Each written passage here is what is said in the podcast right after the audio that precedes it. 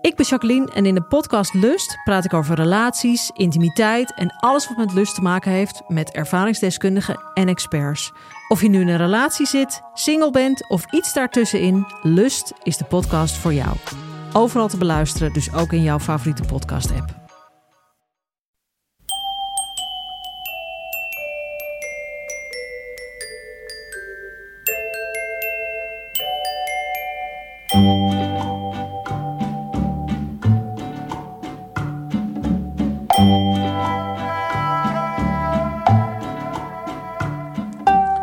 Welkom bij aflevering 12 van de Echt Gebeurd podcast, waar echt gebeurde verhalen worden verteld door de mensen die het zelf hebben meegemaakt.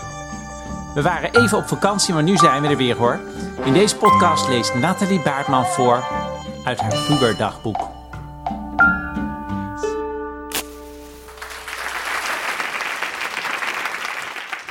Ik vind het echt best wel een beetje eng hoor. En zeker niet sprankelend wat ik uh, vertel. En ik word toch ook nog geprojecteerd of niet ergens?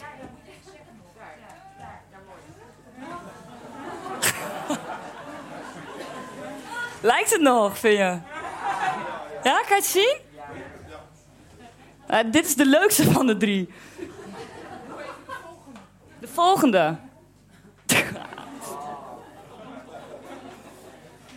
Had mijn moeder allemaal zelf genaaid.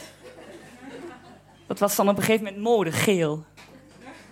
En dan was ik ineens, van de een op de andere dag was, het, uh, was, ik, was ik in het geel. En die andere, die is het ergst, vind ik. Ja, die is echt... Erg, hè? Ik, ik heb die echt een keer aan een vriend laten zien en die zei toen van... Goh, wat leuk, mijn, mijn ouders hadden vroeger ook al kindjes uit Tsjernobyl.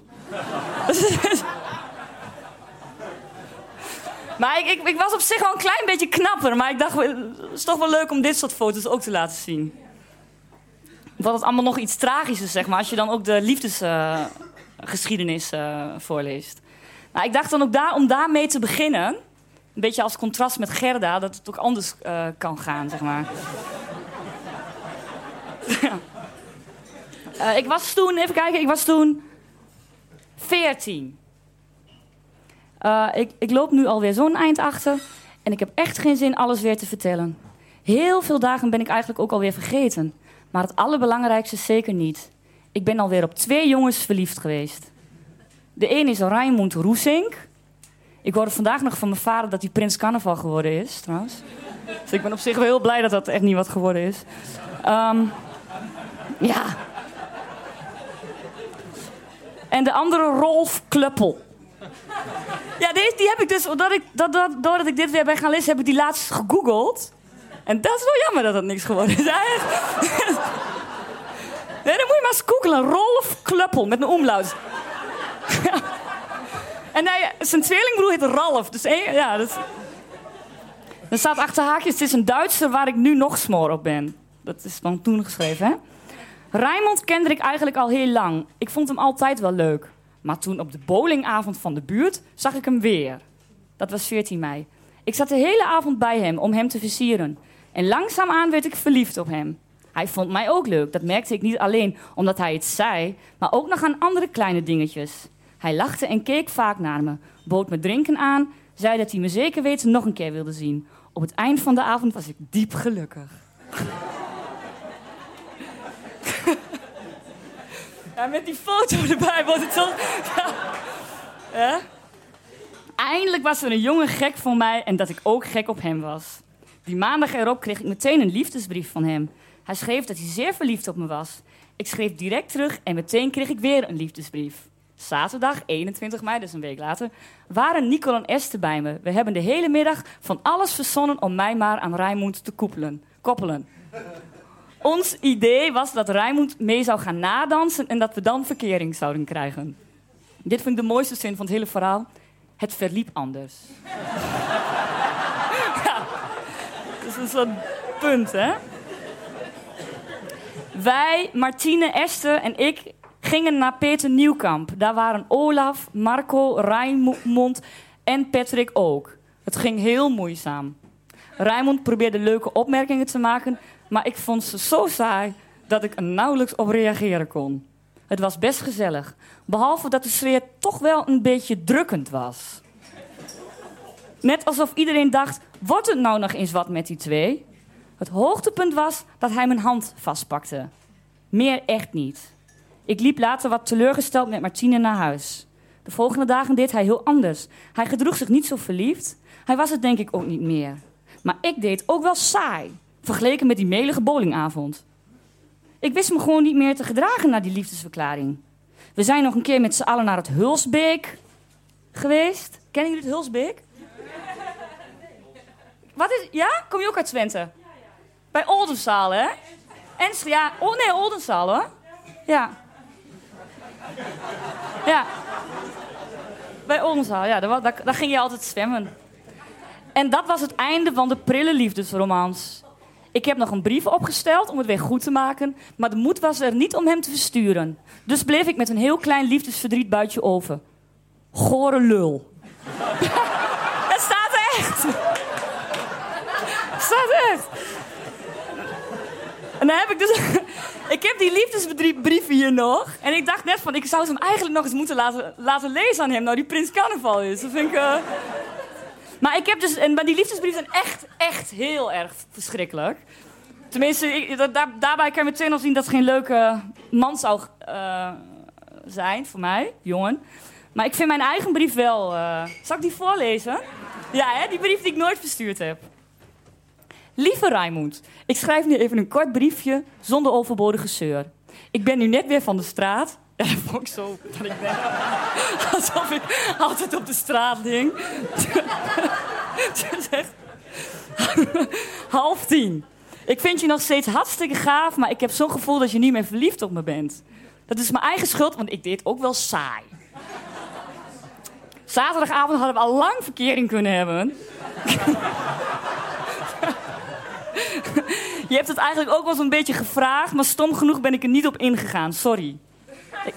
Ik, had helemaal het gevoel dat iedereen zat te kijken of het nu al aan was. 7 mei op de bowlingavond. Ja, ik kan me die hele bowlingavond nog herinneren. Dat was echt, uh... Op de bowlingavond was het het gezelligste, vond je niet? We waren allemaal vrolijk en we hebben veel meer en leuker gekletst als zaterdagavond bij Peter of vanmiddag op straat of toen jullie veel te kort bij mij waren. Je hebt zaterdagavond in ieder geval geen blauwtje bij me gelopen hoor. Ik weet nu wat jij zaterdagavond gevoeld hebt. Toen ik niet echt duidelijk heb laten merken dat ik verliefd op je was. Terwijl jij dat wel deed. Misschien vind je deze brief wel hartstikke belachelijk, maar ik moest het toch kwijt. En ga ook niet zo, ga ook niet zo zeggen met die andere lui erbij. Heb je trouwens niet gehoord? Dat Esther de hele tijd zei: Vraag het nou. Eindelijk vroeg ik het, zei je. Weet ik niet. Best wel slim. Ik dacht hij zegt ja of nee en dan weet ik het tenminste. Maar weet ik niet bestaat ook nog. Als je echt geen verkering meer wil, wil je dat dan zeggen of schrijven? Ik vind jou nog steeds leuk hoor. En please laat het enge briefje niet aan Peter, Marco of Patrick lezen. Als je geen zin in verkering hebt, kunnen we toch nog, nog wel met elkaar blijven schrijven. Ajuus, kusjes van Nathalie. Ik hoop dat dit de beste manier is. Oh. Zielig hè? Ja. Dankjewel. Ja, dat was eigenlijk, vond ik het enigste interessante verhaal van het hele dagboek. Want wat ik voor de rest allemaal in die tijd gedaan heb, het is echt, ja. Ik zat volgens mij heel vaak in bad. Nee, echt. Hier zat. Vanmorgen bleef ik wat langer in bed, omdat ik de avond ervoor om half één in bed lag. Toen ik om half twaalf uit bed ging, kon ik me haast niet voorstellen dat het al zo laat was. Ik ging lekker in bad en waste mijn haar. Dat is één. Ik heb het geteld drie keer. Dit vind ik een verschrikkelijk begin voor iemand van 14. Toen ik er van, vanmorgen uitkwam, dacht ik... Ik ga eens lekker ontspannen in bad.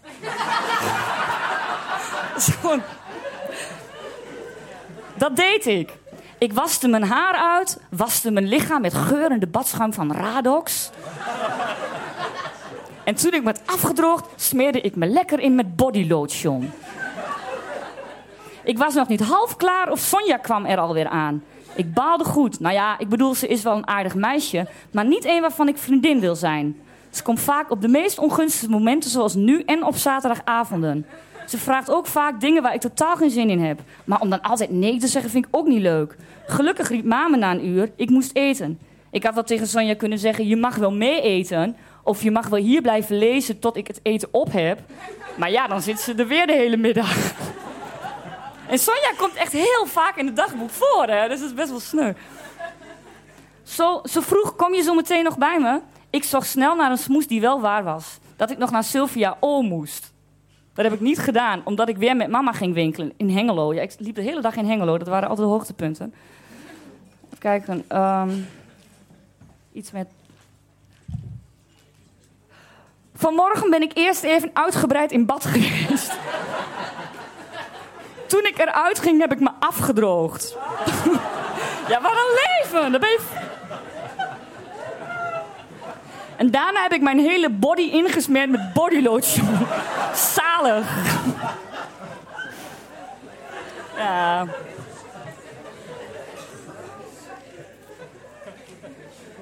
Dit vind ik ook heel erg sneu. Tweeënhalf uur de tijd genomen om me klaar te maken. Toen ik eindelijk dacht dat ik er mooi genoeg uitzag om het te vertonen, ging ik naar beneden. Ja, ja ik, toen zat ik op dansles en dan heb ik, heb ik ook nog. ehm, even kijken hoor. Hoeveel tijd heb ik nog? 3 oktober, de eerste dansles. Wat heb ik me erop verheugd? Zeker 2,5 uur te- uur van tevoren maakte ik me klaar. Heb ik een schema. Om half drie stoombadje. Om drie uur een masker. Om tien voor half vier douche plus insmeren met bodylotion. Om tien over half vier haar kammen. Om tien voor vier opmaken en sieraden omdoen. Om vier uur klaar. En, dan... Dat is trouwens anderhalf uur, zie hier. En nog even tutten voor de spiegels om te kijken of alles mooi zit. En ik kan me, me vertonen kan bij Baken. Ik heb een foto van het resultaat. En, ja, ik weet niet of je het kunt zien, maar ik ben, ik ben die. Met die paardrijbroek en die kooltrui.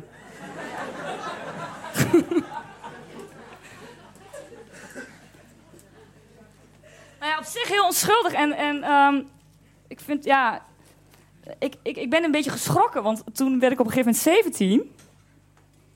Dat is drie jaar later en dan ben ik heel iemand anders. Dat is een beetje... ja. Dat ik me ook niet meer... Ja, dat je echt denkt, wat is daartussen dan gebeurd, hè? Kijken. Want dit is allemaal... Dit gaat echt over, ja... Dat ik naar Hengelo ging en... ehm, dat dit, dit is echt maar... Nou ja, goed. Om te leven wil ik eerst een basis hebben.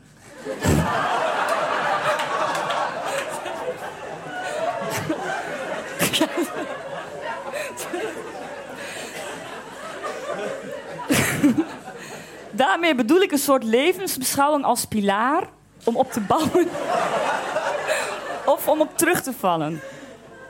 Soms hoeft dat voor mij niet en denk ik daar niet aan. Maar als ik het niet druk heb, komt deze behoefte weer naar boven.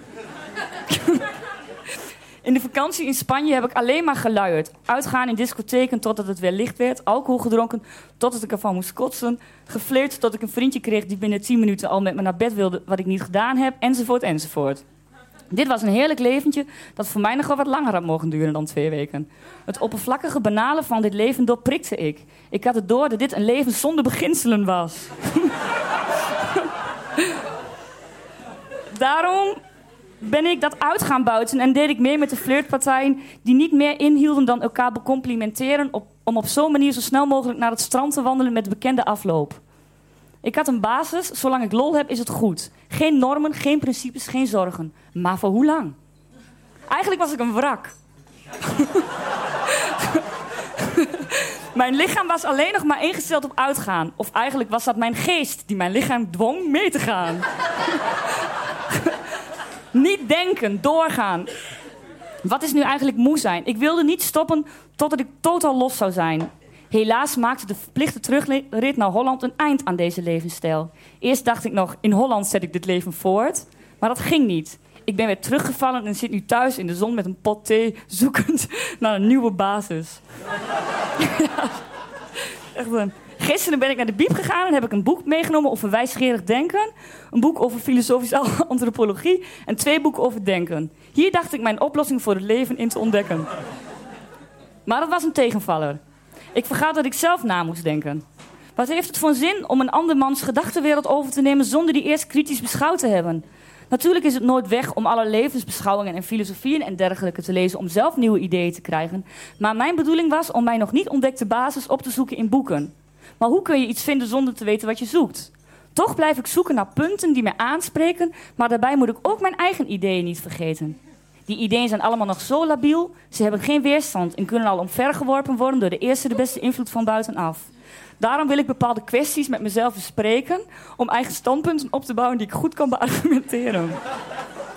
Zodat ik duidelijk stevige meningen heb. Maar meestal ben ik tolerant in het hebben van meningen. Misschien is het positief, omdat ik dan niet star vasthoud. Maar het is ook negatief, omdat je telkens op een compromis belandt. De irritante middenweg. Ik kan het ook anders bekijken. Doordat ik van bepaalde ideeën verschillende dingen overneem, word ik een veelzijdig mens. Op die manier kan ik niet geplaatst worden in een hokje. De hokjes worden in mij geplaatst. Nou, ik vind best. Uh, hè? Als ik de theorie van Karl Marx heel interessant vind, maar toch ten dele hoef ik dit niet af te schrijven. Maar heb ik marxistische elementen in me?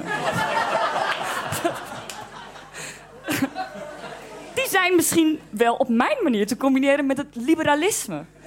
Waar ook een hoop goeds in zit, maar mij ook niet helemaal aanspreekt. Het christendom vind ik ook goed, maar ik weet niet of ik echt geloof. Hier wil ik eigenlijk wel snel achterkomen. Want achter bidden en naar de kerk gaan wil ik wel volledig staan voordat ik het doe. Dit vind ik zo. Echte christenen zijn fijne mensen. Kijk maar naar oma en papa. Beide zijn heel goed voor de medemens. Ja. Nou, even kijken. Ja. Ik heb ook iets heel... Dat je denkt, wow. Toen was ik op vakantie. Er staat, joepie, ik begin naar de wc te moeten. Blij dat ik ongesteld ben. Kan ik mijn kont tenminste nog een keer wassen. Heb ik ook nog wat te doen. Blij dat het zo doorleekt. Kan ik mijn tijd doorbrengen met onderbroeken uitwassen. Nog maar drie condooms. Wat de hel kan ik doen zonder deze dingen? Krabben is een leuk tijdverdrijf. Weg met de Beatles. Ik lijkt wel of ik toen dronken was. Laten we gaan letten dobbelen. Ja, leuk. Nou ja. ja. Ik doe nog... Hoeveel tijd heb ik nog? Je doet bij mij geen muziekje. Oh. Nee, dat past ook niet zo goed hoor. Even hoor. Oh ja, ik, dit, dit, dit, ja. Gaat het nog? Want ik heb er nog eentje, die vind ik ook best wel dat ik denk, nou...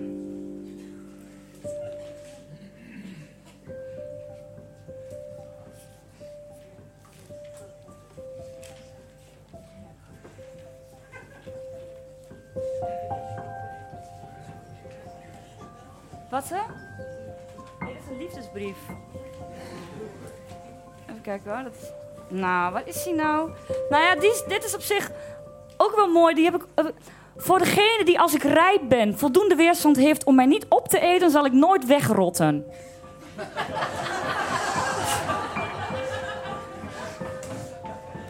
ja, dit was om, hoe om te, te kunnen gaan met leven.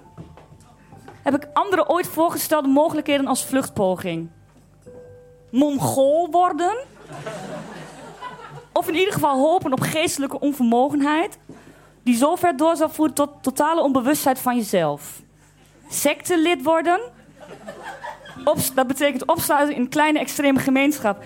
Die zich afzondert van de dagelijkse beslommeringen. En zich bezighoudt met onwereldse vreemde zaken. De zaken van Jan en Alleman trekken me niet.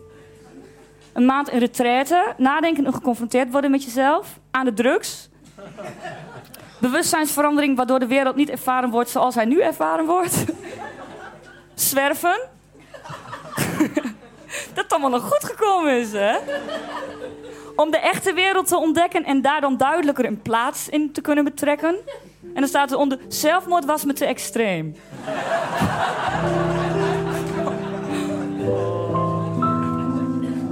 Even kijken hoor.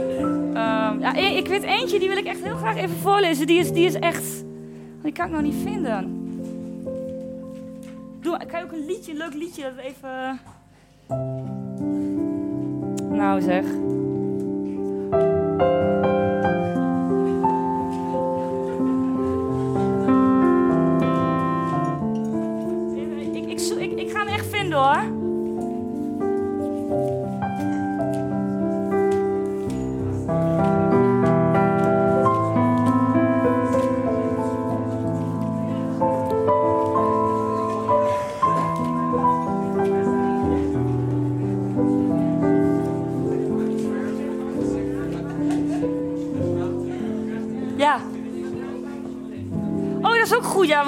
Ja. Dit, eh Tenzij ik hem nu heb, hè. Tenzij ik hem nu heb. Wacht even. Ja, na de pauze. Ja, is goed, ja.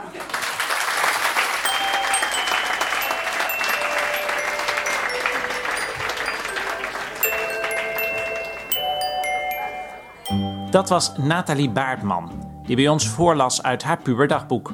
En ze is sinds haar puberteit alleen maar leuker geworden.